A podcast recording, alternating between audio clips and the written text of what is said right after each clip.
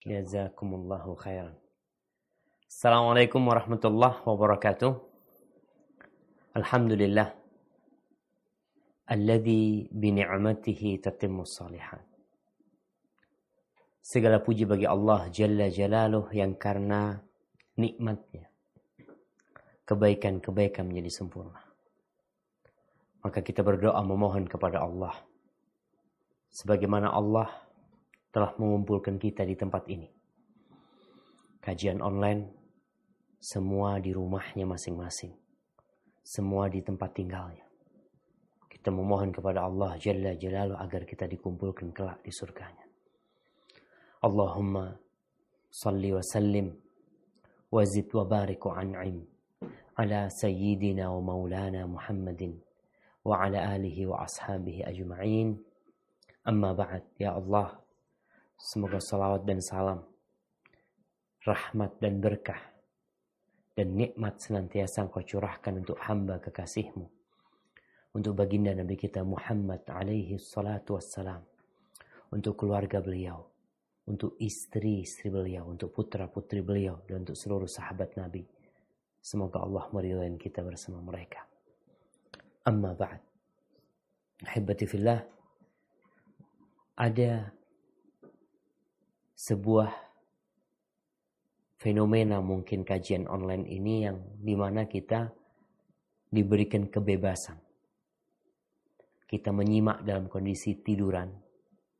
Kita menyimak dalam kondisi minum kopi, minum teh, makan pisang goreng. Kadang kala selonjoran, kadang kala usatnya ditinggal ke dapur, usatnya ditinggal ke tempat makan, macam-macam sudah. Soalnya anak pernah melihat waktu itu Kebetulan videonya nampak tuh orang-orang lagi ngapain lagi kelihatan tuh. Oh ini lagi nanti ditinggal kosong ya. Dia pergi ke mana. Nanti tahu-tahu datang udah bawa piring ya. Makan mie. Ntar berangkat lagi ambil apa. Masya Allah. Ya. Jadi ini ujian kita sebenarnya. Kita nih cari berkah kajian. Semoga semuanya bisa sabar. Nggak lama-lama kita ngaji. Tapi yang penting kita dapat sesuatu yang bermanfaat buat kita malam ini dan mungkin anak udah lama nggak ngisi di Muflen ya karena jauh-jauh Muflen kadangkala. Tapi kalau di Jember biasanya insya Allah anak tunggu. Tapi hanya kemarin gara-gara COVID-19 akhirnya batal semua kajian di Jember. Tapi insya Allah setelah COVID-19 bumi semakin indah. Hati kita semakin cerah. Dan iman kita semakin bertambah Hebati fillah, kalau bicara berkorban. Apa sih yang mendorong orang itu untuk berkorban? Ada yang mengorbankan rumahnya. Ada yang mengorbankan nyawanya. Ada banyak hal yang memotivasi orang untuk berkorban. Tapi kalau dilihat, yang menjadi penggerak utama orang berkorban itu cinta. Antum lihat bagaimana tatkala seorang mencintai negerinya dia tinggalkan untuk apa yang dia cintai. Keluarganya dia tinggalkan untuk siapa yang dia cintai. Kadang-kala kita dengar cerita ya, fulan kabur dengan pacarnya, meninggalkan orang tuanya, meninggalkan ayah bundanya, meninggalkan rumahnya demi cinta dia. Walaupun cinta itu terlarang. Itu menjadi motivator kuat seorang untuk berkorban. Tapi kadangkala salah jalan. Cinta yang salah, korban yang tidak diterima akhirnya. Dan hal kedua yang menyebabkan orang berkorban itu kadangkala imbalan yang besar. Dia mengorbankan sesuatu yang kecil untuk mendapatkan sesuatu yang lebih besar. Maka kadangkala kita melihat ada orang-orang yang mengorbankan untuk jauh dari keluarganya Mungkin Ustaz Lukman jauh dari keluarganya untuk nuntut ilmu ya. Tapi ada orang yang mengorbankan keluarganya, istri anaknya, demi dia mendapatkan penghasilan yang lebih besar, tujuannya untuk membahagiakan keluarganya. Dia melakukan itu. Cinta, imbalan yang diharapkan. Itu menjadi motivasi yang besar agar orang berkorban. Coba kita lihat Nabi Ibrahim alaihissalam yang selalu kita dengar ceramah tentang Nabi Ibrahim, bagaimana korban dia. Nabi Ibrahim itu diangkat sama Allah sebagai khalil, sebagai kekasih. Tapi pengangkatan Nabi Ibrahim menjadi Khalilullah melalui proses yang panjang. Bagaimana beliau ketika hidup bersama orang tuanya. Beliau mendakwain orang tuanya. Tapi tatkala orang tuanya mengusir dia, maka dia pun meninggalkan orang tuanya. Bagaimana beliau hijrah dari negerinya. Sampai akhirnya beliau berangkat ke Palestina. Nanti dari sana beliau pergi ke Mekah bersama istri dan anak. Beliau sedang dalam ujian. Siapkah beliau mengorbankan istrinya, mengorbankan anaknya demi kecintaan beliau kepada Allah Azza wa Jal. Karena kalau bicara korban, ada sesuatu yang kita sukain, kita harus tinggalkan demi sesuatu yang lebih kita cintai. Akhirnya Nabi Ibrahim bawa tuh Hajar dan Ismail ke Mekah. Dan cerita akhirnya Nabi Ibrahim sukses. Berhasil. Allah sebutkan hal itu mungkin bisa dibaca di surat Al-Baqarah ayat 124. Di surah Al-Baqarah ayat 124. أعوذ بالله من الشيطان الرجيم وإذ ابتلى إبراهيم ربه بكلمات فأتمهن قال إني جاعلك للناس إماما قال ومن ذريتي قال لا ينال عهد الظالمين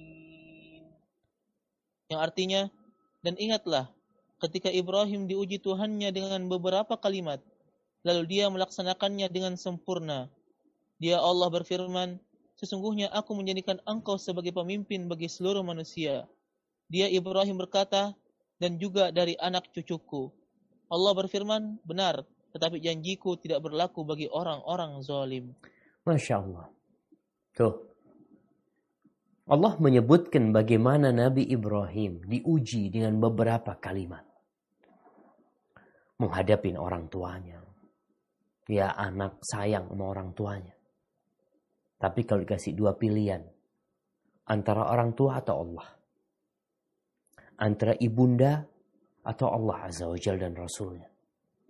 Kadangkala kita dihadapkan dengan pilihan yang sulit. Maka di sini untuknya engkau siap mengorbankan segala sesuatu. Nabi Ibrahim dibakar. Tapi beliau juga nggak peduli. Beliau melihat api itu menyala-nyala. Beliau melihat bagaimana kobaran api membakar kayu-kayu yang dikumpulkan di sana dan orang-orang menjauh bagaimana hawa panas itu sampai kepadanya bagaimana beliau dilemparkan ke dalam sana tapi buat beliau tetap la ilaha illallah kalaupun nyawaku yang harus jadi korban tapi aku tetap mengatakan la ilaha illallah dan bagaimana Nabi Ibrahim ketika dilemparkan ke api di riwayat datang Jibril menawarkan bantuan. Kata Ibrahim, amma ilaika fala. Kalau bicara aku butuh sama engkau enggak. Engkau makhluk, aku makhluk. Sama. Semua baru bisa berlaku tatkala sang pencipta mengizinkannya. Maka Ibrahim mengatakan, Hasbunallah wa ni'mal wakil. Cukup Allah. Allah sebaik-baiknya penolong. Ditinggalkan semua yang ada di muka bumi ini. Malaikat-malaikat pun siapa pun dia tinggalkan. Dia mengatakan hasbunallah wa ni'mal wakil. Cukup Allah. Apa yang terjadi? Allah mengatakan kepada api itu, Ya nar, Ya nar. Allah tidak mengirimkan angin atau badai yang mematikan itu api. Allah tidak menurunkan hujan yang mematikan itu api. Tapi Allah berfirman kepada api yang merupakan ciptaan Allah Azza wa Jal. Allah mengatakan, Ya nar, kuni bardan wa salaman ala Ibrahim. Jadilah engkau dingin dan keselamatan buat Nabi Ibrahim. Lulus Nabi Ibrahim. Apakah ujian itu selesai? selama hayat masih dikandung badan. Cinta harus dibuktikan. Nabi Ibrahim berdoa. Tak henti-hentinya beliau memohon kepada Allah Azza wa Jal. Beliau minta anak. Nih. Beliau minta anak kepada Allah Azza wa Jal. Sampai tua renta. Nabi istrinya nggak punya anak. Sampai akhirnya Istrinya kesian sama Nabi Ibrahim alaihissalam. Istrinya dikasih budak, kasih hadiah sama Raja Mesir. Budak yang namanya Hajar. Lalu sama Sarah diberikan kepada Nabi Ibrahim alaihissalam. Maka nanti keluar anak di situ. Diuji Nabi Ibrahim alaihissalam. Bagaimana istrinya juga kecintaannya kepada Nabi Ibrahim alaihissalam dikasih anak. Coba kita baca firman Allah Subhanahu wa taala Allah menceritakan hal ini ya. Di surah As-Saffat ayat 99 sampai ayat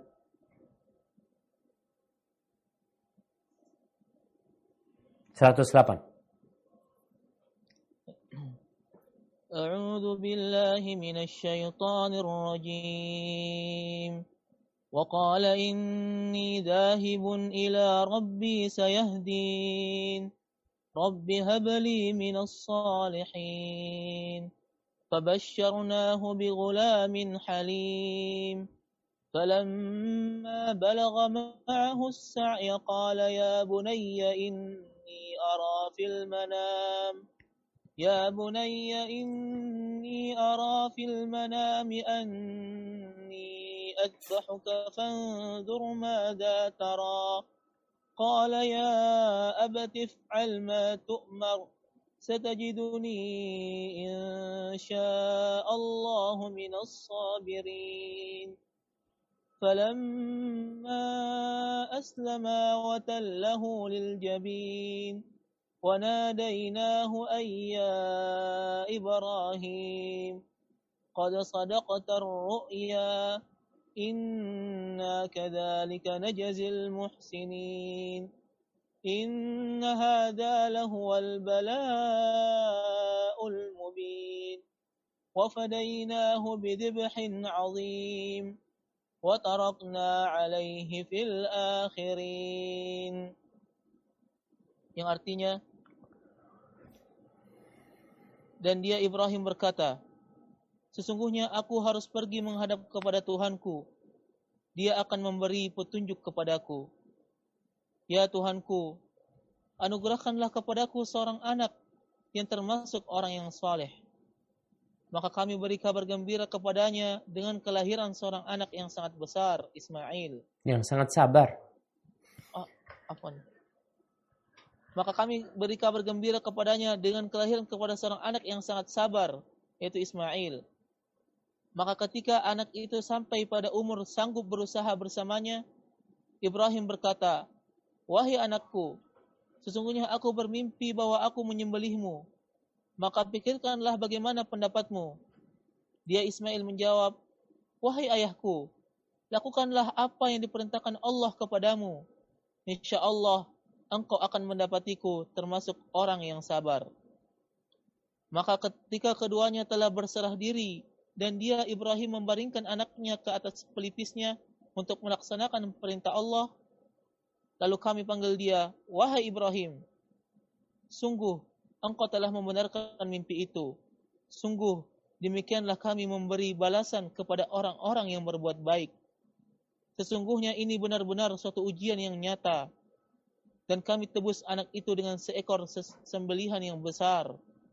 Dan kami abadikan untuk Ibrahim pujian di kalangan orang-orang yang datang kemudian. Barakallahu fikum. Nih, tiap tahun kita melihat bagaimana orang-orang mengenang Nabi Ibrahim alaihissalam. Nabi Ibrahim bukan menyembelih seekor kambing, domba dengan tanduknya yang besar. Bukan sapi yang dibeli dengan harga 300 juta. Bukan seekor onta yang besar yang gagah perkasa, bukan, tapi putranya. Yang beliau tunggu-tunggu. Bertahun-tahun. Bukan ketika dia lahir disembelih, bukan. Allah ceritakan ketika falamma balagha ma'ahu sa'i. Nabi Ibrahim udah ketemu jarang ya. Nabi Ibrahim diuji anaknya ditaruh di Mekah. Jarang ketemu sama anaknya. Bagaimana kerinduan orang tua sama anaknya. Tapi beliau pun bersabar. Ketika datang ke Mekah dalam kondisi anaknya sudah remaja, dikatakan umurnya udah belasan, 14 tahun itu berapa. Abahnya ngomong sama anaknya. Ya bunayya inni ara fil manami anni azbahuk. Wahai bunayya. Wahai putraku aku melihat aku bermimpi aku menyembelihmu. Apa kata putranya? Ya abati. Wahai ayahandaku. If'al ma tu'mar. Masya Allah. Bagaimana berbaktinya Nabi Ibrahim sama ayahnya. Kemudian Allah berikan balasan anaknya berbakti sama Nabi Ibrahim alaihissalam. Al-jaza'u min jinsil amal. Kata anaknya lakukan apa yang diperintahkan kepadamu. Insya Allah engkau akan mendapati aku termasuk orang-orang yang sabar. Semua dipersiapkan. Nggak ada dalam benak Nabi Ibrahim terlagi digantiin kambing nih. Main-main. Coba-coba. Lah. Benar-benar Nabi Ibrahim membawa putranya untuk membuktikan cintanya kepada Allah Azza wa Jal bahwa kelahiran anaknya tidak mengurangi cinta Nabi Ibrahim kepada Allah Azza wa Jal. Nabi Ibrahim diangkat menjadi Khalil. Khalil itu yang cintanya udah masuk ke relung-relung jantungnya. Tidak ada satu tempat pun di relung jantung itu kecuali di situ ada cinta kepada Allah Azza wa Jal. Nggak ada kepada yang lain. Maka Allah ingin menguji Nabi Ibrahim alaihissalam. Dan Nabi Ibrahim melakukan semua itu. Diletakkan Nabi Ismail di pelipisnya. Diambil itu pisau. Diletakkan di lehernya. Kemudian dipanggil Nabi Ibrahim. Selesai. Allah mengatakan. Inna hadha lahuwal bala'ul mubin. Ya Allah jamaah. Sesungguhnya ini benar-benar ujian yang nyata dan sukses Nabi Ibrahim alaihissalam. Ahibati fillah. Kita nih udah masuk Dhul Qa'dah. Kita mau berkorban. Insya Allah.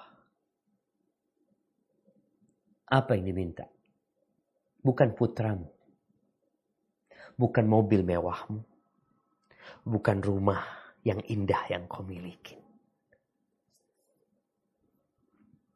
Tapi seekor kambing. Atau sapi. Kalau kau punya duit. Insya Allah sapinya nggak lebih mahal daripada mobil yang kau miliki. Daripada rumah yang kau tempatin. Enggak. Allah Azza wa Jalla mengatakan kepada Nabi alaihi salatu wasallam inna atainakal kautsar. Nih. Surat yang paling pendek. Allah mengatakan inna a'tainakal kautsar. Sesungguhnya kami telah memberikan kepadamu al-kautsar. Fasalli li rabbika wanhar. Maka dirikanlah salat karena Tuhanmu dan berkorbanlah. Ketika Allah memberikan sesuatu yang besar kepadamu, seharusnya engkau membalasnya dengan sesuatu yang besar. Yang itu pun dari Allah Subhanahu wa taala. Nabi diperintahkan untuk sholat dan Nabi diperintahkan untuk berkurban.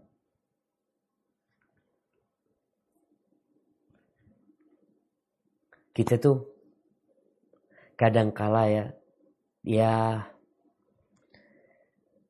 Anda mungkin termasuk.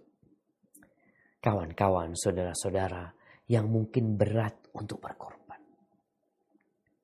Itu karena lupa bahwa yang kita korbankan sebenarnya itu pemberian Allah. Dan itu Allah sedang menguji kita. Antum cinta sama harta antum atau cinta sama Allah? Baik.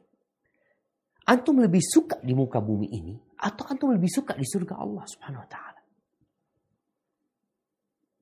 Maka di sini datang ujian. Ketika antum lebih berat kepada dunia, antum akan pilih kambing yang kurus. Antum mungkin membeli sesuatu yang mahal, antum lakukan. Tapi untuk berkorban, untuk surga antum, antum pilih yang kurus. Antum pilih yang murah, antum pilih yang kecil. Tapi tatkala antum memandang ini semua nikmat dari Allah Azza wa Jal, aku pun milik Allah Subhanahu wa taala. Jangan hartaku, aku pun milik Allah Subhanahu wa taala. Kalau Allah minta, Allah ingin minta bukti kecintaanku kepadanya, aku siap mengorbankan jiwaku. Bagaimana kita lihat para sahabat Nabi yang pergi berjuang di jalan Allah Azza wa Jal, meninggalkan keluarganya, membawa nyawa, raga, dan hartanya, pulang nggak bawa apa-apa. Ya.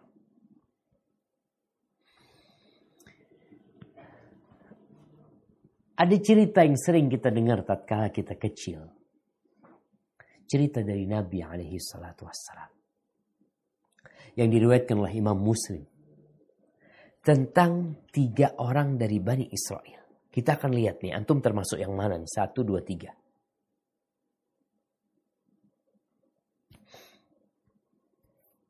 Tiga orang ini, kata Nabi SAW, abras wa akra wa a'ma.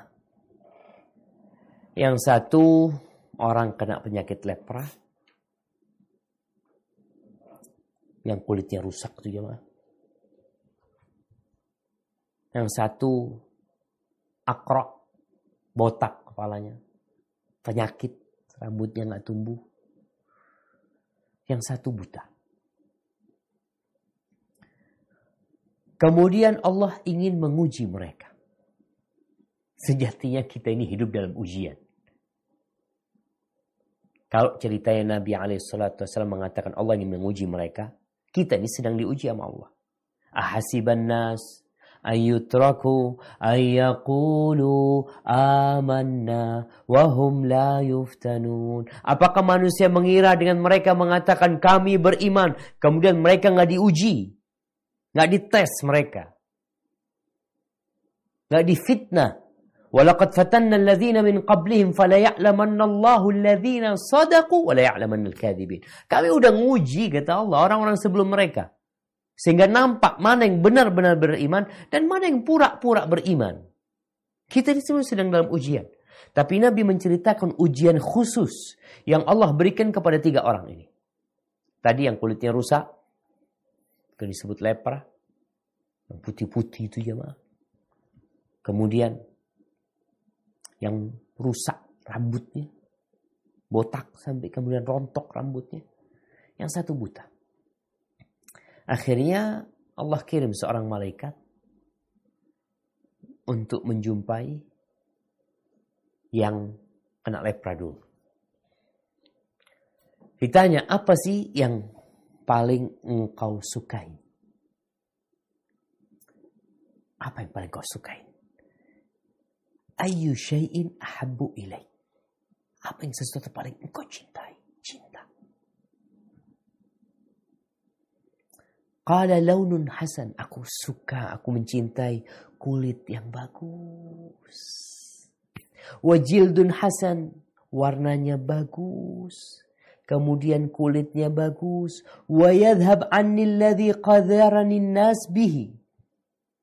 Kemudian hilang dariku penyakit yang menjijikkan orang yang orang akhirnya nggak mau dekat sama aku. Itu yang aku inginkan.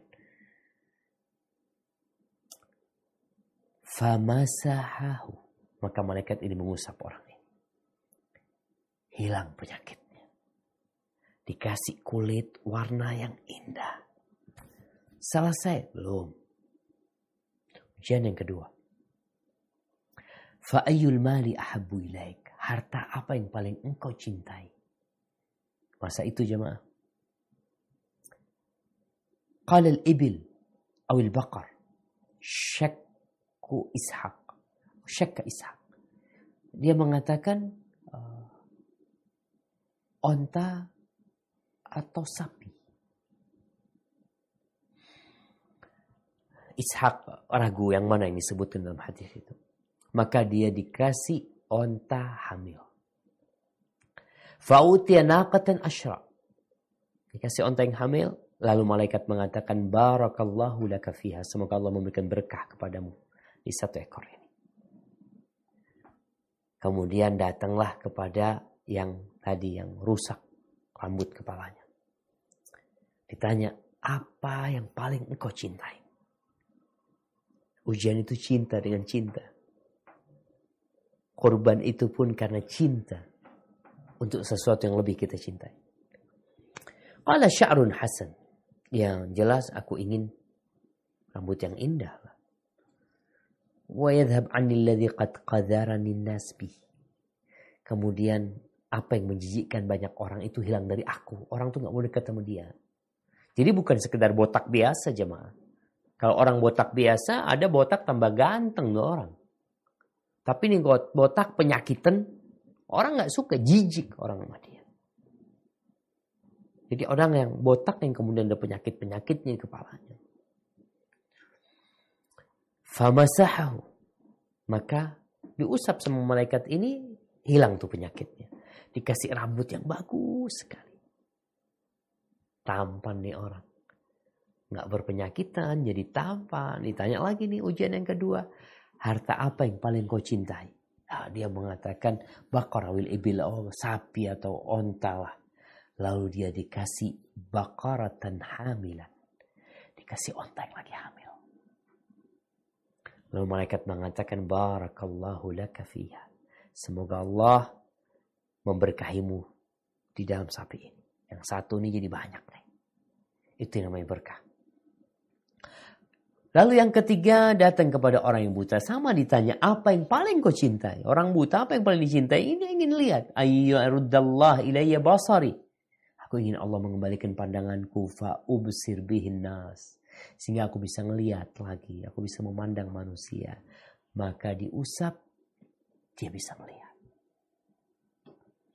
Fa'ayyul mali ahabu ilaik. Harta apa yang paling kau cintai? Al-ghanam. Aku suka kambing, kata dia maka dikasih fa'utiya syatan walidan naqatan ashra atau usyara nah kemudian baqarah hamilan yang ketiga yang buta dikasih kambing yang bunting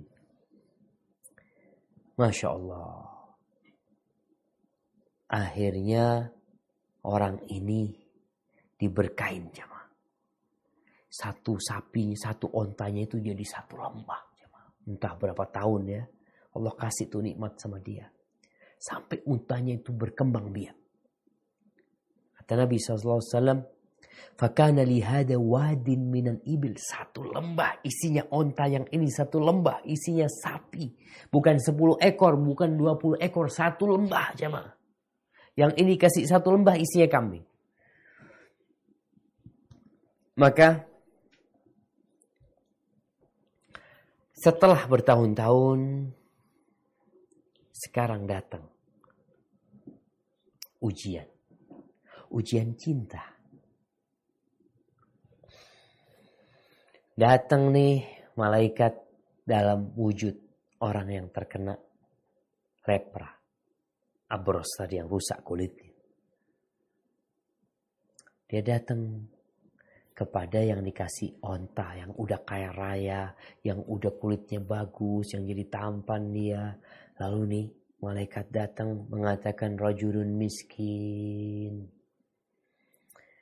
Qadin qata'at biyal hibal fi safari.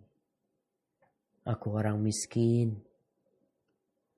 Aku nggak bisa melanjutkan perjalanan. Udah, udah habis bekalku.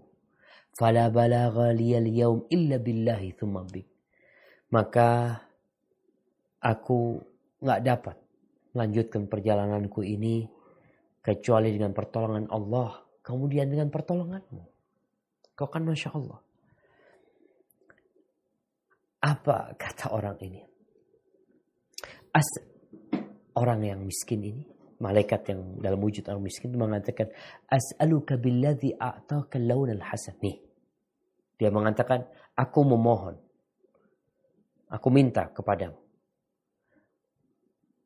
Dengan nama Allah yang telah memberikan kepadamu kulit warna yang indah, kulit yang indah, dan harta yang banyak kepadamu. Aku minta seekor onta aja, agar aku bisa melanjutkan perjalananku. Nggak minta lima ekor onta. Dia punya satu lembah onta. Tidak minta sepuluh ekor. Yang diminta satu ekor. Apa kata orang ini? Al-huququ kathira. Dia mengatakan, aduh banyak tanggunganku. Banyak hak-hak yang harus aku tunaikan. Jemaah, yang diminta berapa ekor? Satu. Dia berdalih banyak kebutuhan dia. Banyak urusan dia. Mungkin harus bayar ini, harus bayar ini. Banyak tanggungan dia pokoknya. Alasan. Nah. Faqala lahu. Akhirnya. Nih. Malaikat ini. Yang dalam wujud orang. Yang terkenal lepra seperti dia. Mengatakan. Ka'ani a'rifu. Kayaknya aku tahu ke sama kamu. Kayaknya aku tahu sama kau nih. Alam takun abras. Yakdarukan nas. Bukankah engkau pernah seperti aku abros. Kena kusta lepra. Lepra dan orang kemudian meninggalkan orang jijik kepadamu. Bukankah seperti itu engkau dulu? Fakiran fa'atakallahu mal. Engkau juga dulu miskin, nggak punya apa-apa. Lalu Allah yang kasih harta kepada. Nih, ketika orang lupa dengan nikmat Allah subhanahu wa ta'ala. Maka dia akan berat berbagi. Berat berkorban. Bukankah engkau dulu pernah seperti aku? Pernah kena penyakit.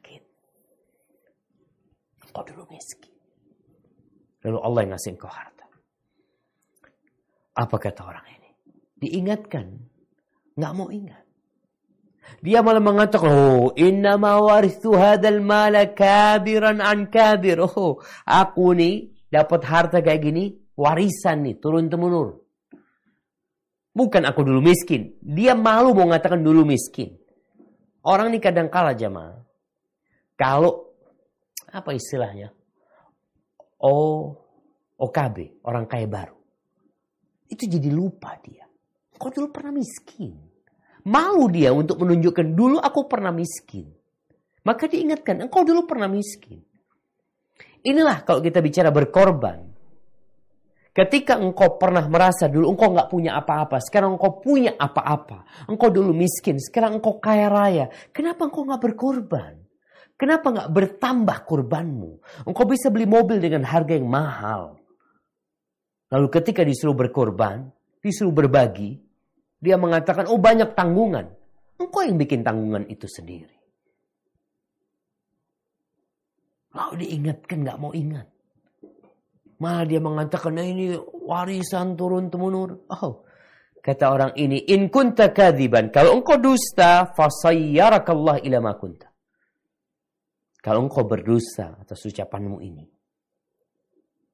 semoga Allah menjadikan engkau mengembalikan engkau kepada keadaanmu semula udah. Udah ditinggal nih.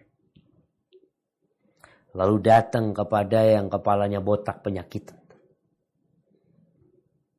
Dan dia datang menyerupai dirinya dulu. Seharusnya orang ingat. Ketika dia, ya Allah, anda dulu penyakitan kayak dia. Ya Allah, Alhamdulillah ya Rabb. Anda dulu miskin kayak dia. Sekarang datang nih orang miskin. Dalam rupa dia dahulu ketika dia berpenyakitan. Lalu dia berkata. Mengatakan, ya dia jelaskan kondisinya. Aku kehabisan bekal dalam perjalanan nih. Aku nggak bisa melanjutkan perjalanan. Aku hanya berharap pertolongan Allah kemudian pertolonganmu. Dia meminta ya dengan yang telah memberikan kepadamu rambut yang indah ya, memberikan harta kepadamu. Tapi apa jawab orang yang botak ini? Dia mengatakan, oh ya Allah kata dia, terlalu banyak tanggungan-tanggunganku. Gak mau ngasih dia. Lalu orang miskin ini mengatakan, kayaknya aku kenal sama kamu. Iya. Kamu bukan yang dulu. Juga kayak aku gini nih. Botak, penyakitan. Orang-orang jijik sama engkau dulu. Engkau dulu juga miskin. Kemudian Allah kasih harta kepadamu. Kata orang ini, wah enggak, aku nih dapat kayak gini nih, turun temurun nih, aku memang keturunan orang-orang kaya. Keturunan orang-orang yang rambutnya bagus. Ya, gak mau ngasih. Intinya dia nggak mau ngasih. Tuh orang kalau lupa dengan apa yang Allah berikan, jadi pelit dia. Jadi bakhil dia. Gimana dia akan berkorban nyawanya? Minta seekor sapi aja orang ini. Satu ekor. Engkau punya selembah isinya sapi semuanya. Minta satu ekor. Nggak dikasih. Lalu orang miskin ini mengatakan in kunta kadiban. Kalau engkau dusta. Fasayyarakallah ila ma kunta. Semoga Allah mengembalikan engkau seperti keadaan semula dulu. Lalu datang ke orang yang buta. Dalam rupa orang yang buta. Dia mengatakan, Rajulun miskin. In qata'at wabnu sabilin. Aku miskin dan aku ibnu sabil. Orang nggak bisa melanjutkan perjalanan. Aku ya kayaknya nggak bisa melanjutkan perjalanan hari ini kecuali dengan pertolongan Allah kemudian pertolongan maka aku memohon kepadamu as'aluka. Billadhi radda alaika basar. Aku memohon kepadamu dengan nama Allah yang memberikan yang mengembalikan kepadamu penglihatan. Syatan minta seekor kambing aja. Yang dengannya aku dapat melanjutkan perjalananku. Apa kata orang ini? Dia mengatakan, Qad kuntu a'ma. Aku dulunya buta. Faraddallah ilayya basari. Kemudian Allah mengembalikan pemandanganku, penglihatanku kepadaku. Fakhud ma syi'ta. Wada ma syi'ta. Kau lihat tuh kambing? Silahkan engkau ambil yang engkau mau. Engkau mau tinggalkan berapa? Terserah engkau. Wallahi jamaah nikmat mata itu, dia berpikir nikmat mata dibandingkan semua kambing yang dia miliki, nggak ada. Maka dikatakan engkau ambil yang engkau mau, engkau tinggalkan yang engkau mau. Fawallahi, dia bersumpah dengan nama Allah, la ajhaduka al-yawm bi syai'in akhadtahu lillah. Demi Allah, aku tidak akan mempersulitmu dengan meminta mengembalikan apa yang engkau ambil hari ini. Enggak. Untuk Allah silahkan kau ambil kau mau. Kenapa? Karena dia ingat dengan nikmat Allah.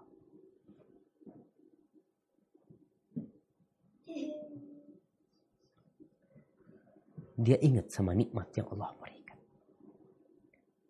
Semuanya dari Allah Azza wa Jal.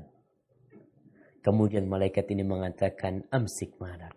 Ambil hartamu, pegang hartamu fa inna mabtulitum kalian sedang diuji faqad radiyallahu anka wa sakhita ala sahib Allah ridho kepadamu. Dan Allah murka kepada dua kawan. Ahibati fillah. Sekarang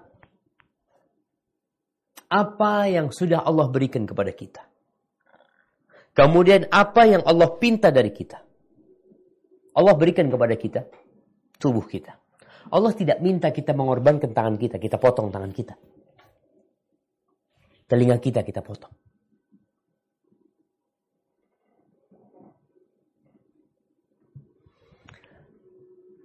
Allah tidak meminta itu.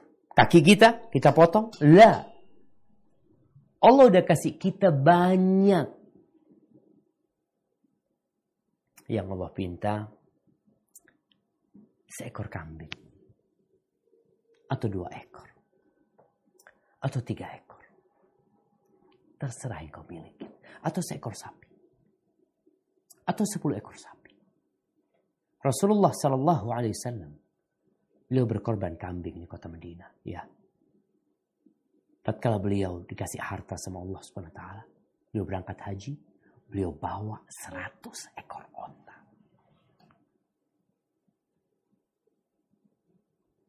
Seratus ekor. Atau kita nggak mau seperti itu. Ahibati fillah.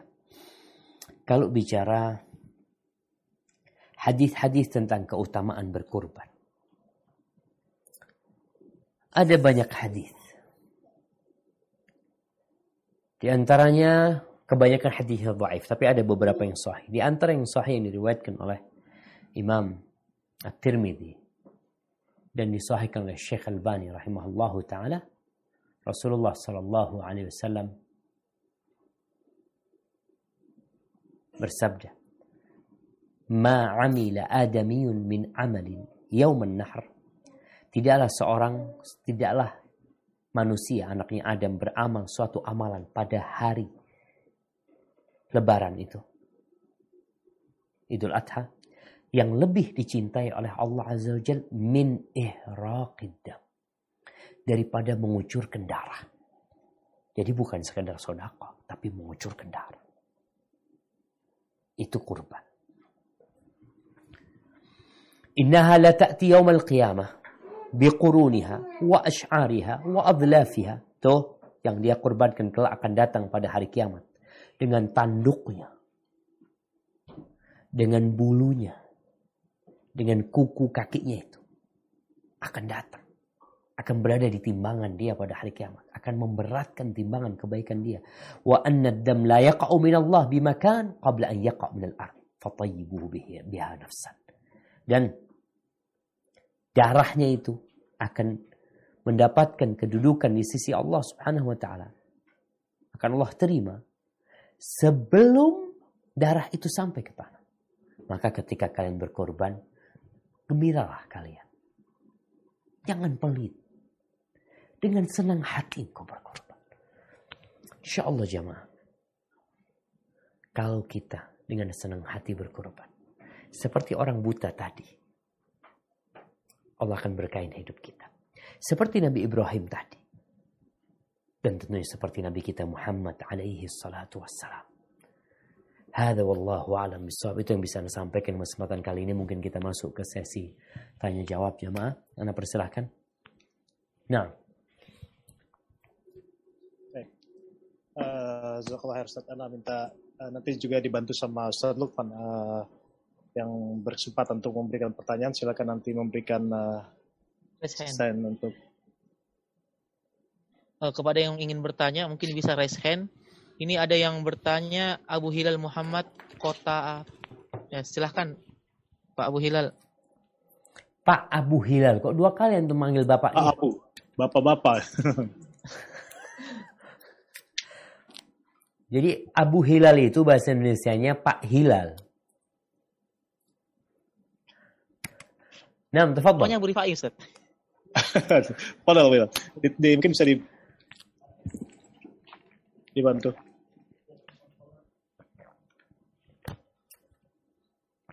Enggak, ini soalnya tadi mic-nya itu dipilih sama adminnya itu. Tadi mic-nya nggak bisa dibuka. Coba dibuka, dibukain kali sama admin.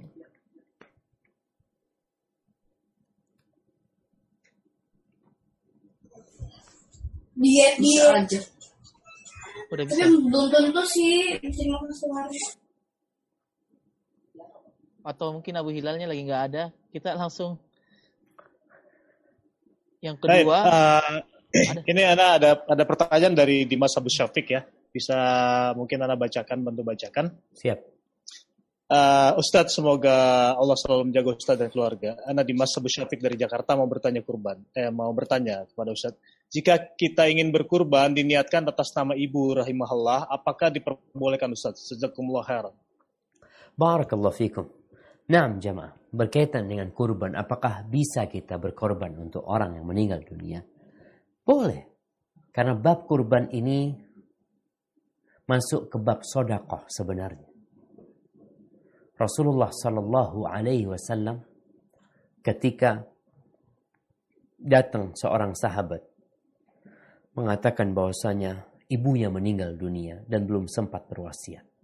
Afa yanfa'uha idza tasaddaqtu anha?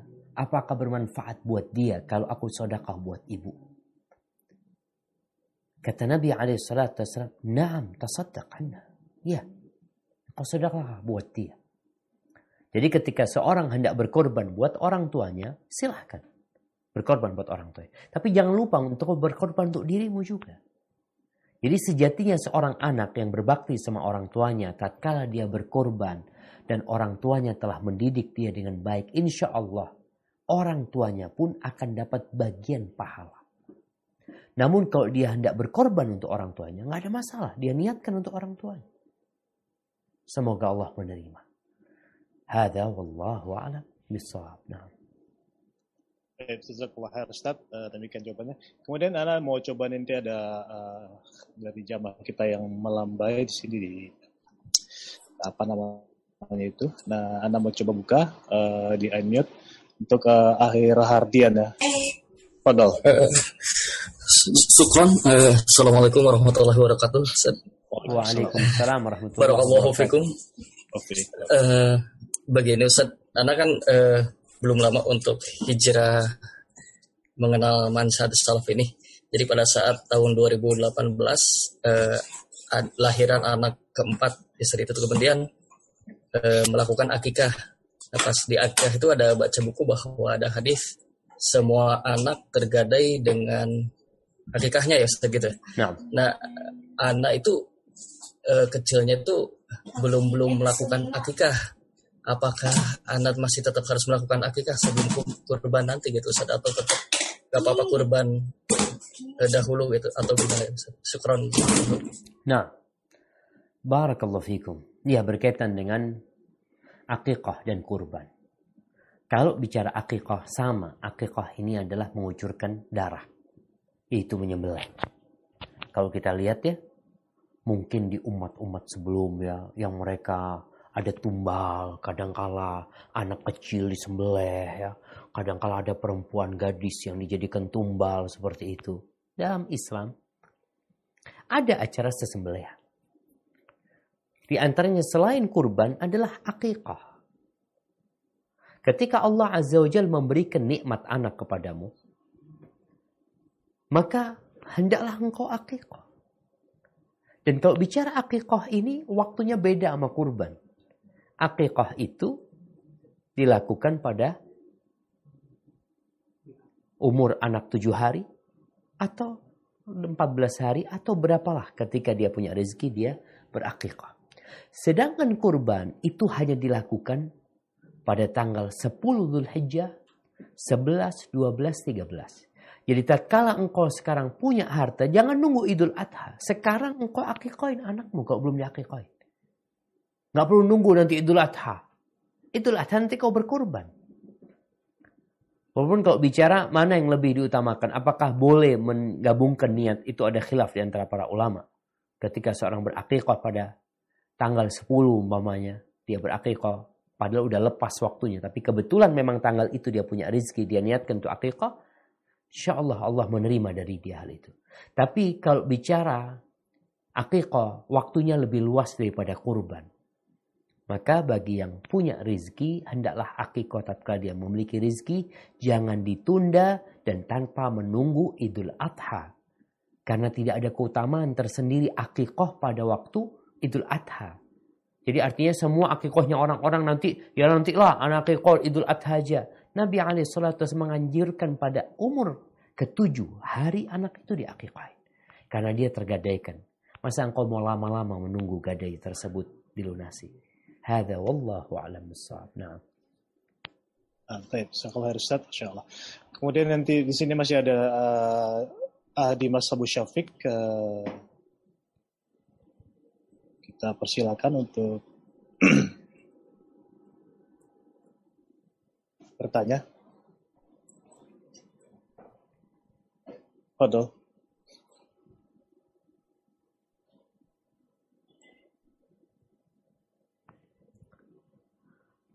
Ada nggak orang? Ada.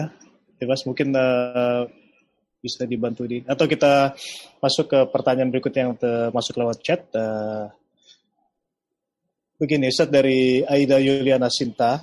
Uh, Bismillah Ustaz, Afwan izin bertanya, apakah boleh berkurban juga diniatkan sebagai tanda syukur uh, atas karunia atas kehamilan? Karena di akhir Februari Allah keguguran dan bulan ini Alhamdulillah Allah dikaruniai lagi calon anak kembali. Jazakallah ya Ustaz atas jawaban. Barakallahu fikum. Nah, yang pertama kalau bicara kurban. Kurban itu pada tanggal 10, 11, 12, 13 tadi.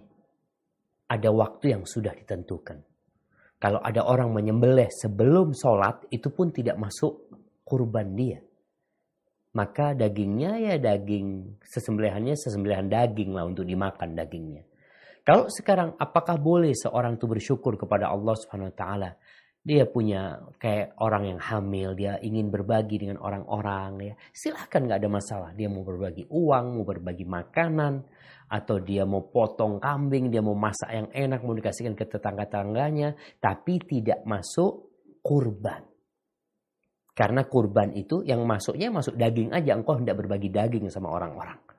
Jadi bentuk seorang bersyukur kepada Allah Subhanahu wa taala memang yang pertama dengan hatinya meyakini bahwasanya itu karunia ilahi tanpa ada ada usaha dari manusia itu Allah murni yang memberikan kepada dia.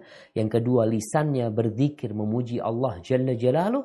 Kemudian tiga raganya berbuat perbuatan ini taat yang diridhoi oleh Allah swt. Jadi tatkala orang mamanya hamil kemudian dia ya Allah aku hamil nih aku kepingin potong kambing aku mau bagi-bagi sama orang-orang tafadhol tapi yang dibagi itu daging yang kau bukan berkorban. Engkau sedang berbagi daging. Kau mau bikin makanan apa mamanya atau engkau mau belikan mau pesankan makanan kemudian dibagi sama tetangga atau mau diundang orang-orang yang Allah aku lagi bahagia banget ya. Karena kemarin keguguran sekarang hamil lagi ya. Seperti itu nggak ada masalah. Ini sebagai bentuk syukur Allah Azza wa Jal mengatakan wa amma bi ni'mati rabbika fahaddith dengan nikmat yang Allah berikan kepadamu kau ceritakan Salah satu menceritakannya dengan lisan kita dan dengan harta kita kita berbagi kepada fakir miskin umpamanya. Hada wallahu a'lam bissawab. Jazakallah Ustaz, ini uh, Hadimas sudah muncul ya tadi yang mau bertanya. Fadol Hadimas sana buka audionya. Dimas, tafadhol. Fadol. Nah. Assalamualaikum Ustaz. Waalaikumsalam warahmatullahi wabarakatuh. Nah, di Mas Abu Syafiq Ustaz, mungkin Ustaz masih ingat. Ahlan wa sahlan, Masya Allah. Abu Syafiq, Masya Allah. Uh, Ustaz, Anda mau tanya agak sedikit keluar dari tema Ustaz. Anda mau tanya bagaimana hukumnya jika dalam penentuan ahli waris dari pengadilan, dari pengadilan agama yang mencantumkan nama saudara yang non-muslim. Bagaimana hukumnya Ustaz pada saat pembagian harta waris Ustaz. Barakallahu fikum. Ini pengadilan apa nih? Pengadilan Pengadilan agama Ustaz. Pengadilan agama. Ya. Iya jemaah. Jadi berkaitan dengan warisan. Apakah muslim mewarisi dari non muslim? Apakah non muslim mewarisi dari muslim?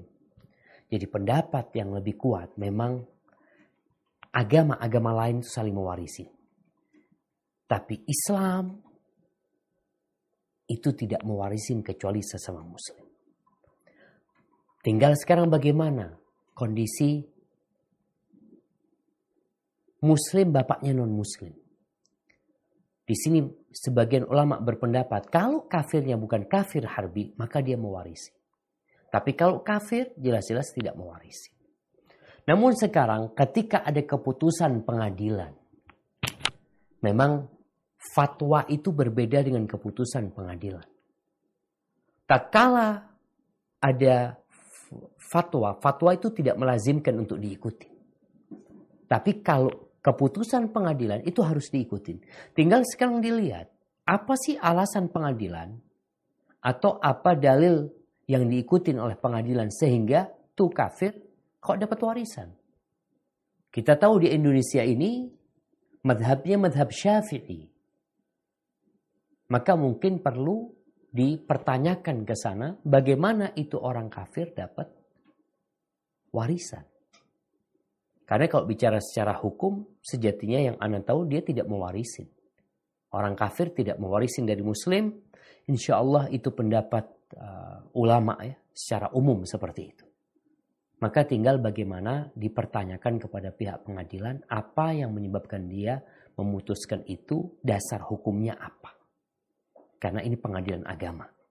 Hada wallahu a'lam bishawab. Nah. Kemudian Anda mau membacakan ada dua pertanyaan. Anda ada dua pertanyaan dari dua orang berbeda dari uh, Umu Entin Suharni dan Umu Kia. Uh, Anda gabungkan. Bismillah boleh bertanya Ustadz, apa benar kalau berkurban atas nama suami, semua keluarga dapat pahala untuk istri dan anak-anaknya? Kalau yang berkurban hanya istri, itu hanya untuk istri saja pahalanya.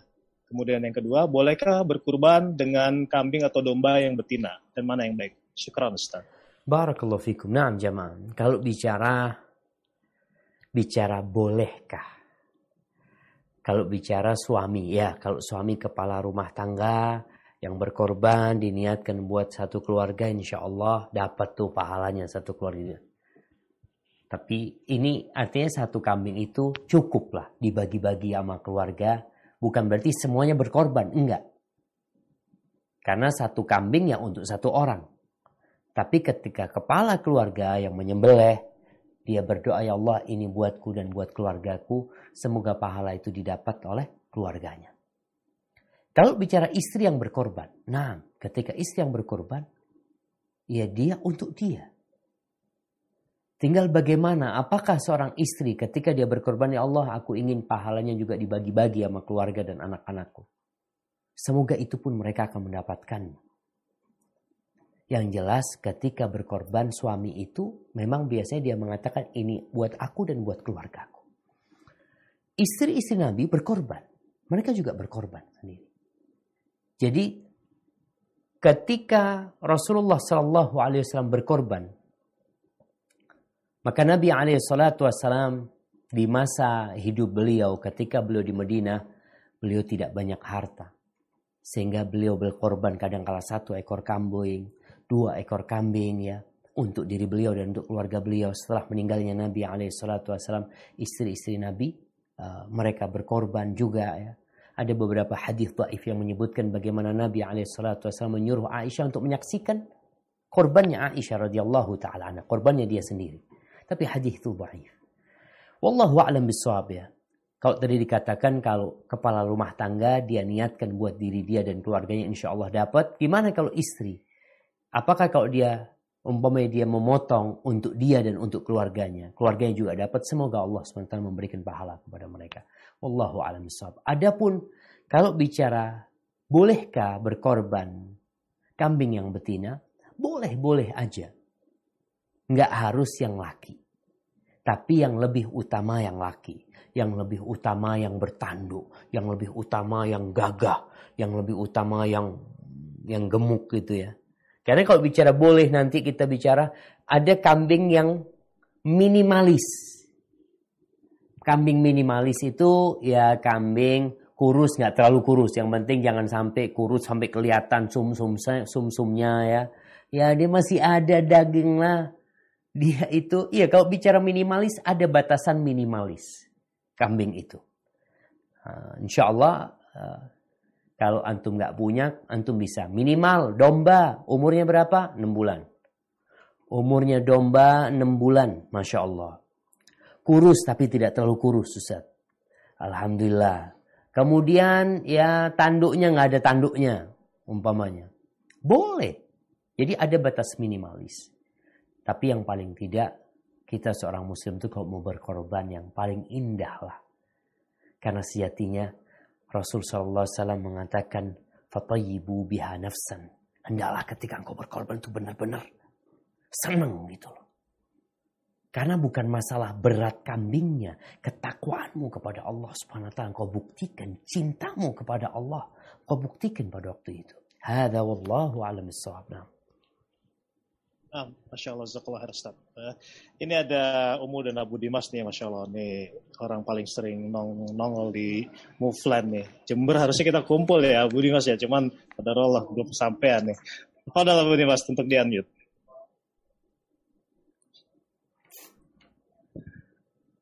Dilepas dulu itunya, Abu Dimas. Mute-nya. Ada nggak orangnya itu ya? Ada, ada. Abu Dimas Fadl. Di mute dulu di ininya. Oh iya. Assalamualaikum. Waalaikumsalam. Fadl. Assalamualaikum Ustaz Syafiq. Waalaikumsalam warahmatullahi wabarakatuh. Ahlan wa sahlan. Iya, tak jadi ingat kue baracik di depan masjid hijau. Tat. Masya Allah. Kayaknya perlu dibagi-bagi tuh kuenya tuh. Eh, ada keluarga yang berniat menghajikan almarhum ibunya yang sudah meninggal. Qadarullah tahun ini nggak bisa berangkat. Kemudian ada biro travel yang menawarkan eh, untuk eh, badal dengan tarif tertentu ada sertifikat. Gimana tak eh, hukumnya? Barakallahu fiik. Sertifikat anak bikinin di Jember antum. Iya. Begini kalau bicara badal haji. Yang pertama kita tahu ini urusan ibadah. Maka kita perlu benar-benar memastikan pelaksanaan haji yang dilakukan oleh orang yang kita amanahi. Ana pernah jadi mahasiswa. Ana pernah membadalkan haji juga orang dahulu. Dan ada orang-orang, ya orang-orang kampung dulu ya. Jadi mereka badal haji itu murah banget. Anak ngomong murah banget kata dia. Iya kata dia. Ada di Mekah nanti yang terima. Jadi ada orang-orang yang nggak amanah. Waktu itu yang murah itu seribu real. Seribu real itu ya tiga juta setengah mungkin sekarang ya. Ya Ustaz Lukman, seribu real berapa? Tiga juta tujuh ratus. Oh, tiga juta tujuh ratus. Tambah kaya Ustaz Lukman di sana. nah, jadi padahal di tempat lain itu seribu dolar. Ada yang seribu dolar, umpamanya. Ini seribu real. Ternyata seribu real diambil dari sepuluh orang. Jadi dia sepuluh orang, dia ambilkan lebaik Allahumma an fulan, an fulan, an fulan. Padahal haji itu hanya untuk satu orang. Nggak bisa kita badalin dua orang, nggak bisa badalin tiga orang. Maka intinya adalah masalah amanah. Kalau bicara sertifikat, Anda bikinin di Jember. Nggak ada masalah nanti. Itu urusan sertifikat. Karena orang-orang bingung, ini ada sertifikatnya Ustaz. Sertifikat ini dibikin sendiri gitu. Nggak ada resmi dari Kementerian Haji ya. Nggak ada, orang bikin sendiri. Dulu itu masih sulit. Jadi memang ada tempat-tempat yang jual sertifikat itu. Tapi sekarang sudah bisa dicetak di mana-mana. Jadi intinya ketika mau membadalkan tolong cari orang yang amanah. Dan besar pahala itu sesuai dengan kelelahan dan sesuai dengan nafkah yang dikeluarkan. Sehingga ketika orang badal haji dari Mekah, maka beda dengan orang badal haji dari Medina. Beda dengan orang badal haji dari Indonesia. Beda dengan anaknya yang berangkat haji untuk orang tuanya. Maka ya tergantung kita ingin pahalanya seperti apa. Dan buat mahasiswa-mahasiswa, kadang-kala kita kalau mau badalin haji mahasiswa itu, mungkin mereka lebih amanah ya. Kita cari mungkin Ustaz Lukman. Ustaz Lukman belum haji, nggak bisa badalin Ustaz Lukman. Harus haji duluan. uh, Afan saat ini teman-teman yang lain banyak kalau misalnya jadi kan uh, sekarang saat teman-teman itu kan ada yang bawa istri. Mm-mm. Nah dia suaminya ini kan rata-rata sudah haji. Nah dia pengen cari yang mau bada, mau dibadalin.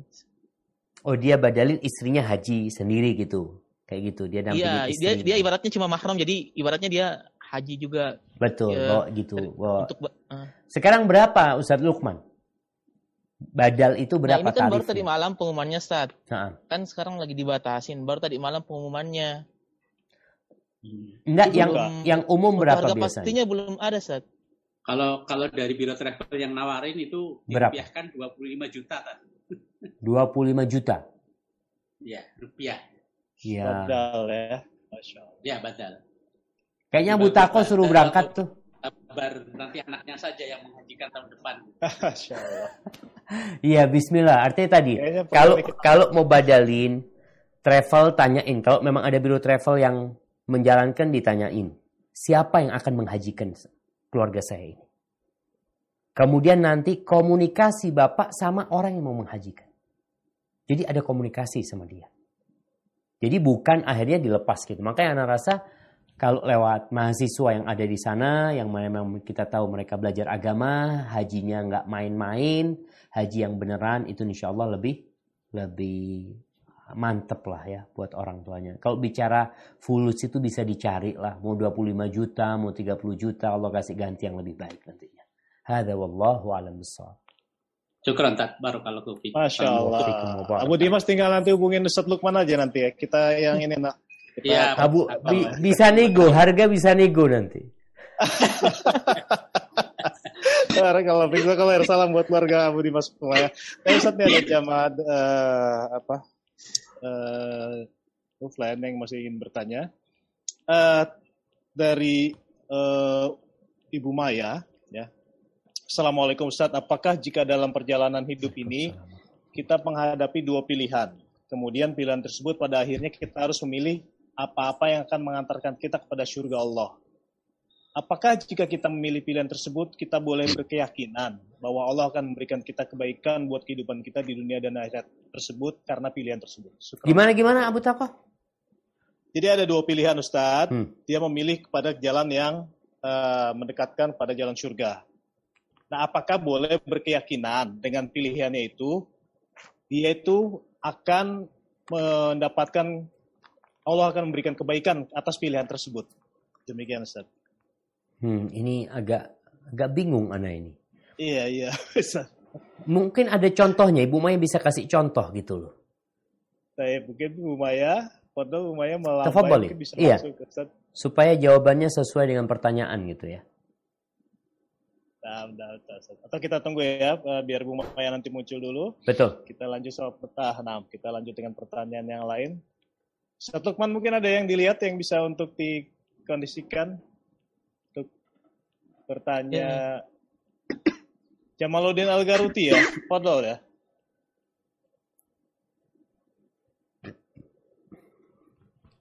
Fadol, uh, Jamaluddin ya. Al-Garuti. Assalamualaikum Ustaz. Waalaikumsalam warahmatullahi wabarakatuh. Ini kayaknya jualan kambing Garut dia, Bang. iya. Anak kebayang tanduk langsung nih namanya, Ustaz. Enggak, Ustaz. Tapi alhamdulillah banyak Ustaz di sana. Domba-domba itu. Masya Allah, Masya Allah. Masya Allah. Iklan. ya, Butako. Alhamdulillah, Ustaz. Alhamdulillah. Iya, Butako di, di kambing. Bandar kambing. Baik, Ustaz. Ya. Ustaz, uh, mau bertanya Ustaz. Uh, gini, itu gimana hukumnya terkait dengan ini Ustaz? Jadi kan sekarang yang kurban itu sekarang itu uh, ada beberapa yayasan itu dijadikan kayak kornet gitu Ustaz.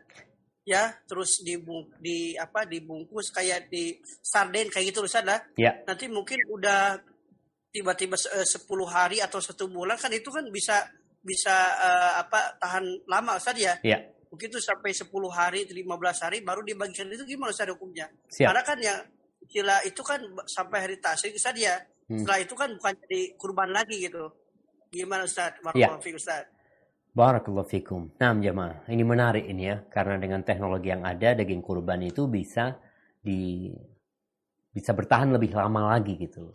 Tapi apakah boleh seperti itu? Padahal hari kurban itu adalah tanggal 10, 11, 12, 13. Sebenarnya begini, tanggal 10, 11, 12, 13 itu adalah hari untuk menyembelih kurbannya. Adapun daging dari kurban tersebut, kalau itu bertahan sampai 2 bulan, sampai 3 bulan, nggak apa-apa. Jadi kurban itu ya kalau bisa dibagi tiga-tiga, sepertiga dibagikan, umpamanya sepertiga dimakan, sepertiga disimpan. Artinya yang disimpan ini mau sampai 6 bulan, mau sampai 7 bulan nggak ada masalah.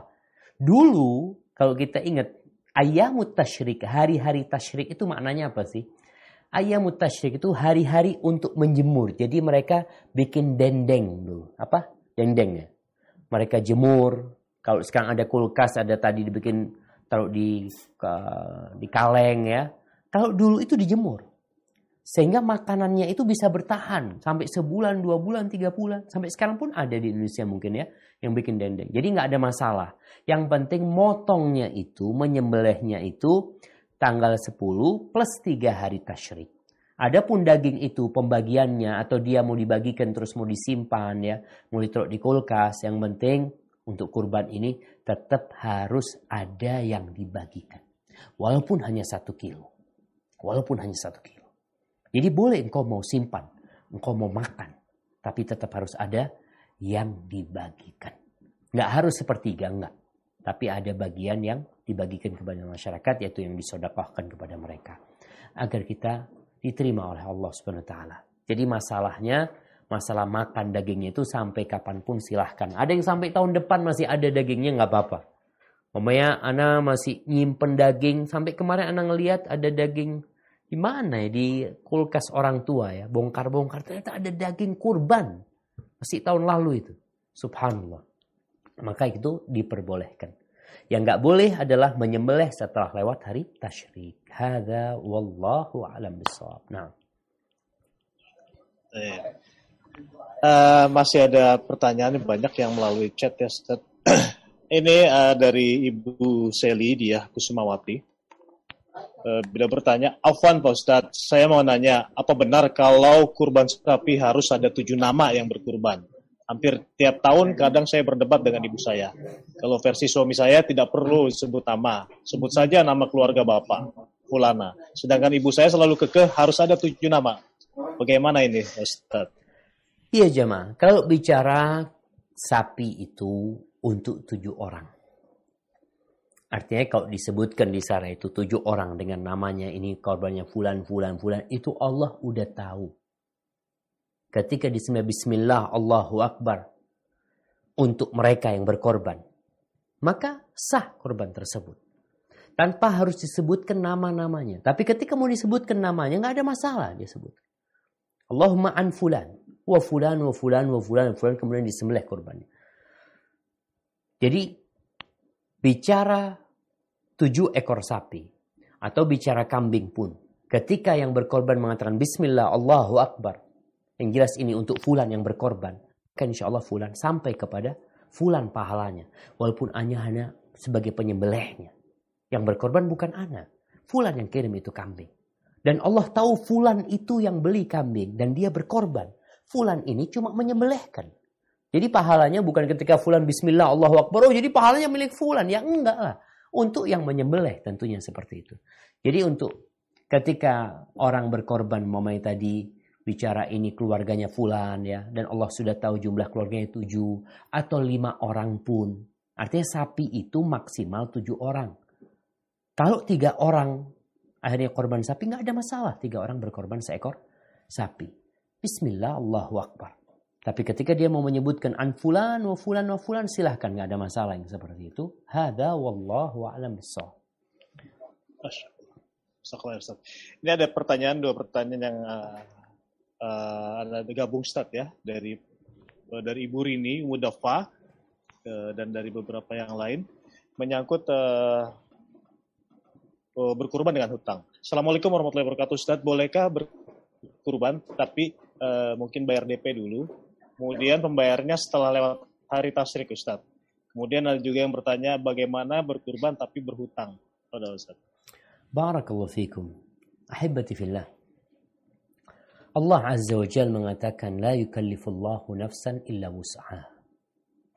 Allah tidak membebani hambanya kecuali sesuai dengan kemampuan dia. Nggak mungkin di atas kemampuan dia. Dan dalam beragama ini kita nggak boleh berlebih-lebihan. Terus bagaimana sekarang? Ketika orang berhutang untuk berkorban. Kalau bicara boleh, boleh-boleh saja asalkan dia punya sesuatu yang bisa dia gunakan untuk membayar. Dia punya aset. Karena kita tahu hutang ini termasuk hal yang berat. Ketika engkau mati meninggalkan hutang dan ahli warismu tidak membayarkannya, maka sulit bagi dirimu untuk masuk surga. Engkau mungkin berpikir, kan aku punya pahala kurban. Nah, tapi hutang itu urusannya sama bukan sama Allah. Urusannya sama makhluk. Kalau yang urusannya sama Allah SWT, Allah itu maha pengampun, maha pengasih. Tapi yang urusannya sama manusia, manusia itu pelit. Maka engkau dihadapin, dihadapkan kepada dua masalah. Kalau engkau punya aset yang bisa untuk bayar hutangmu, sehingga ketika engkau meninggal dunia, warisan tidak akan dibagi kecuali hutang itu telah dibayarkan dan cukup alhamdulillah. Silahkan, nggak ada masalah. Seperti orang yang berangkat haji. Bolehkah haji sama berhutang dia? Asalkan dia punya aset, dia itu punya uang sebenarnya. Tapi bukan cash, masih jadi barang. Jadi dia mampu secara finansial, tapi uangnya itu nggak cash. Dia punya rumah, dia punya ini, dia punya itu, cash nggak punya. Tapi kalau engkau nggak mampu, memang nggak punya, jangan memberatkan dirimu. Karena engkau mati meninggalkan hutang, itu jadi beban buat engkau. Maka nasihat anak, yang tidak punya uang, ya usah ber, gak usah berkorban. Yang tidak punya aset umpamanya yang mungkin dia mau jual. Ada orang punya rumah harganya 1 M tapi nggak laku-laku. Tapi dia punya uang. Dia punya apa? Dia punya harta. Namun cash nggak punya. Dia mau utang tapi dia bisa membayar dengan rumah itu tafadhol. Tapi yang tidak punya jangan memberatkan dirimu. Sehingga orang yang berlebih-lebihan dalam beragama nantinya akan tercela juga. Hada wallahu alam bisawab. Nah. Insya Allah, Ustaz. Ini uh, uh, Ibu Maya tadi memperjelas lagi pertanyaan Ustaz Afan.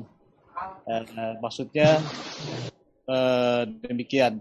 Uh, dia sudah memilih jalan uh, yang mendekat kepada surga. Tapi masih bolehkah dia berharap untuk kehidupan di dunia ini? Artinya sudah memilih jalan untuk uh, yang mendekat ke jalan surga, tapi masih boleh nggak kita berharap kebaikan di untuk dunia ini? Demikian Ustaz. Ya, barakallahu fikum. Begini jemaah. Kita hidup di dunia. Doa kita Rabbana atina fid dunya hasanah wa fil akhirati hasanah wa qina adzabannar. Kita meminta kepada Allah kebaikan di dunia, kebaikan di akhirat dan diselamatkan dari api neraka. Kalau bicara seorang beramal, beribadah untuk akhirat dia, dunia akan ikut. Karena sejatinya Allah itu menjanjikan kehidupan yang baik buat orang yang beramal soleh. Man amila salihan min dhakarin au untha wa huwa mu'minun falanuhyannahu hayatan tajibah. Barang siapa yang beramal soleh, laki-laki wanita, dalam kondisi dia beriman, kami akan berikan kehidupan yang baik buat dia. Tapi kalau engkau beramal, beribadah untuk mendapatkan kebahagiaan di dunia, maka ini yang bermasalah engkau beramal untuk mendapatkan dunia. Padahal engkau beramal untuk akhirat, dunia engkau dapatkan. Tapi sekarang engkau mau puasa, anak puasa kepingin sehat, Ustaz. Anak puasa kepingin sehat. Baik, engkau dikasih sehat nantinya. Tapi akhirat engkau nggak dapat apa-apa. Enggak Ustaz, anak puasa, anak berharap dijauhkan wajah anak dari api neraka. Anak berharap puasa anak ini menyelamatkan ana dari azab Allah Subhanahu wa taala dan ana berharap puasa ini jadi sehat buat ana juga di dunia.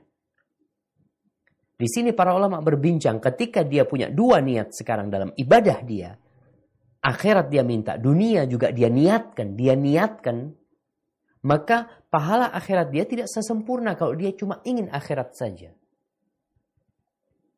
Kalau dia ingin dunia saja, ikhlas lillahi ta'ala, dia puasa ikhlas lillahi ta'ala. Tapi dia ingin sehat, tidak ingin dia pahala akhirat. Maka dia dapat sehat, akhirat nggak dapat apa-apa. Jadi ketika engkau beramal, beribadah, berharapkan dunia, maka engkau dapat dunia, kau dikasih. Tapi engkau berharap akhirat, Allah kasih akhirat, dunia ikut. Tapi engkau berharap dunia dan engkau juga niatkan untuk uh, engkau engkau berniat akhirat, tapi engkau juga niat untuk dunia, maka akan terbagi jadi dua. Maka sejatinya ketika engkau berharap akhirat, ambisimu adalah akhirat, dunia akan ikut. Kalau bicara doamu, enggak anak berdoa ingin bahagia di dunia, tafadhol. Anak bekerja, kepingin anak nyaman hidup dunia, silahkan. Tapi dalam amalan ibadahmu, khusus Allah dan untuk akhirat. Hada wallahu alam bisawab ya. Masya. Alhamdulillah. Eh bisa dipahami ada, apa enggak? Ada pertanyaan dari uh, teman-teman uh, dari Lumajang Ustadz. Uh, Lumajang bagian, suruh ke rumah aja lah mereka lah. suruh nyebrang aja Ustaz ya, datang nah, aja ke rumah Ustaz ya. Tapi Ustaz, jadi begini, ini juga jadi pertanyaan beberapa teman di sini yang melakukan uh, apa panitia kurban lah Ustaz ya, panitia kurban. Jadi dalam menyelenggarakannya itu kan nanti ada uh, kemasan ya selain hewan, kemudian ada kemasan di packing, kemudian diberikan kepada uh, di ya, yang mau disalurkan ya. Nah itu boleh tidak pengadaan peralatannya seperti plastik atau bungkus daging, biaya transportasinya dan lain-lain itu diambil dari donatur, artinya mereka open donasi. Demikian Ustaz. Barakallahu fikum. Jadi open donasi bukan diambil dari hewan kurban. Bukan dari eh, yang sahibul kurban tidak dibebankan Siap. kepada sahibul kurban, tetapi di open donasi. Iya. Barakallahu fikum. Begini jemaah, sebenarnya kalau kita bicara kurban, ketika kita umumkan kepada masyarakat, kita perlu ada transparansi. Kalau bicara kita, mamanya harga kambing, harga domba, 3 juta itu sudah masuk uh, apa istilahnya masuk biaya operasional dari mulai bungkusnya ongkos kirimnya nanti bayar penyembelihnya jadi udah masuk ke sana jadi harga dombanya itu mungkin tidak 3 juta harga dombanya itu ya mungkin 2 juta setengah yang 500 itu untuk biaya operasional jadi harus ada transparansi yang kedua kalau memang kita ingin full, enggak. Kita mau cari donatur lain. Jadi mau bagi-bagi pahala. Jadi mungkin teman-teman yang nggak bisa berkorban, paling nggak dia bisa beli kreseknya. Jadi dia dapat pahala kreseknya. Yang satu mungkin uh, kita buat beli packingnya atau apalah. Jadi kalau kita mau buka donasi, open donasi, untuk perlengkapan kurban nggak ada masalah. Jadi orang-orang yang memang mungkin nggak bisa berkorban, tapi dia pasti dapatlah sedikit pahala dari kurban tersebut ya. Insya Allah Allah akan berikan kepada mereka. Jadi ini nggak ada masalah. Seperti mau buka bersama juga. Ada orang-orang yang anak-anak nggak bisa kasih isinya buka, tapi anak kasih kotaknya aja untuk berbuka. Kotaknya nggak dimakan. Nggak ada orang makan kotaknya. Tapi itu juga berpengaruh kepada isi makanan yang ada di dalamnya. Maka nggak ada masalah, tapi yang jelas harus ada transparansi, apalagi uangnya umat ya. Jangan kita akhirnya berenak-enakan dengan uangnya umat ini. Hada wallahu alam bisawab. Abu Tako, kayaknya ini masuk pertanyaan terakhir nih. Jember udah malam nih Abu Tako. Siap. Nah, Mas Tad, sini udah malam tapi terang, Ustaz. Di lampu, Ustaz. Antum kayaknya masih siang terus di pantai situ. Ini ada program ada program kurban saat untuk tahun ini? Insya Allah tetap kita kurban walaupun mahasiswa kita pulangkan semua ya. Kita tetap buka kurban tapi untuk masyarakat sekitar. Kalau dulu kan memang untuk mahasiswa juga, tapi karena mahasiswa pada dipulangin, kita khususkan buat masyarakat sekitar insya Allah. Artinya tetap dibuka set insya Allah ya. Bismillah lah. Kalau kalau antum mau kirim domba, nah, ini ada pertanyaan. Ya. Nggak apa-apa kirim domba. Kalau mau kirim domba ke Jember. Kirim domba. Domba di sana udah jadi oh, tahu Ustaz, jangan-jangan katanya kata Zuber. nah, saat ini ada, ada ada pertanyaan terakhir saat ya. Uh, pertanyaan yang uh, basic sekali tapi banyak yang memang belum memahami. Apakah uh, hukum berkurban ini wajib atau sunnah? Kemudian uh, apakah ada yang berkata kalau satu domba itu lebih baik daripada sapi yang dibagi tujuh? Barakallahu fikum. Nah, iya jemaah. Kalau bicara apakah hukum berkorban. Jadi ada khilaf di antara para ulama. Bagi orang yang mampu. Bagi orang yang memiliki kelebihan harta. Kemudian dia tidak berkorban. Ada ancaman buat dia. Gak usah dekat-dekat tempat sholat kita. Ini menunjukkan bahwasanya dia mendekati wajib. Walaupun uh, tidak sampai wajib umpamanya. Tapi ketika engkau memiliki kelebihan harta, maka seharusnya engkau berkorban. Jadi pendapat yang lebih kuat mungkin nggak wajib. Tapi itu bukti cinta. Jadi kalau dari tadi kita berbicara dari awal ya bagaimana seorang seharusnya membuktikan cinta dia. Allah itu nggak minta kepadamu harta yang banyak. Ya Allah minta satu ekor kambing kau korbankan. Atau seekor, satu ekor sapi kau korbankan.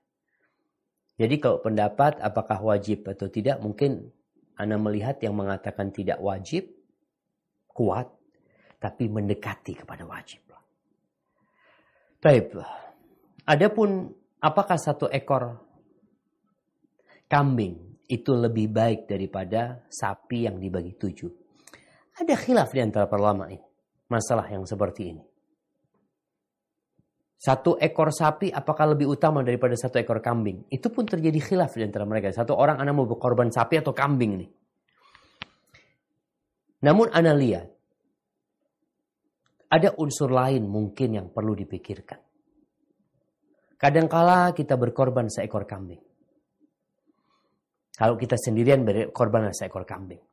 Tapi kalau kita lihat, anak lihat kalau berkorban seekor kambing Ustaz, orang-orang nggak makan daging kambing Ustaz. Jadi kalau kita potong kambing, memang intinya bukan dagingnya sebenarnya. Allah tidak menerima dagingnya, Allah tidak menerima darahnya, Allah menerima ketakwaan kita. Jadi ketika seorang berkorban seekor sapi, manfaatnya mungkin lebih banyak buat orang. Semoga itu ada kelebihan di sana. Tapi kalau dia mau seekor kambing, atau tujuh orang mau tujuh ekor kambing, ahlan wa sahlan, tafadhal. Itu jadi mulia juga buat engkau insya Allah. Ketika manfaatnya banyak buat masyarakat. Jadi memang kalau bicara mana yang lebih utama antara uh, satu ekor kambing dengan satu ekor sapi yang dibagi oleh tujuh, masalah ini ada khilaf di antara para ulama. Memang banyak yang mengatakan satu ekor kambing lebih utama daripada satu ekor sapi yang dibagi tujuh. Wallahu a'lam bisawab. Kembali kepada semua yang tadi kita bicarakan Buktikan cintamu kepada Allah Subhanahu wa taala. Apa yang hendak engkau korbankan? Kalau engkau punya kelebihan harta, jangan tujuh ekor sapi dibagi tujuh, tapi tuj jangan satu ekor sapi dibagi tujuh, tapi engkau korban tujuh ekor sapi atas namamu sendiri. Tujuh ekor sapi atas nama siapa? Fadlu jamaah. Ingat Rasul Shallallahu Alaihi Wasallam membawa seratus ekor onta ketika beliau berhaji. Hada wallahu alam itu Abu Taqa mungkin yang bisa Anda sampaikan pada kesempatan kali ini. Kurang lebihnya Anda mohon maaf. Anda kembalikan kepada pembawa acara. Anda persilahkan. Barakallahu fikum.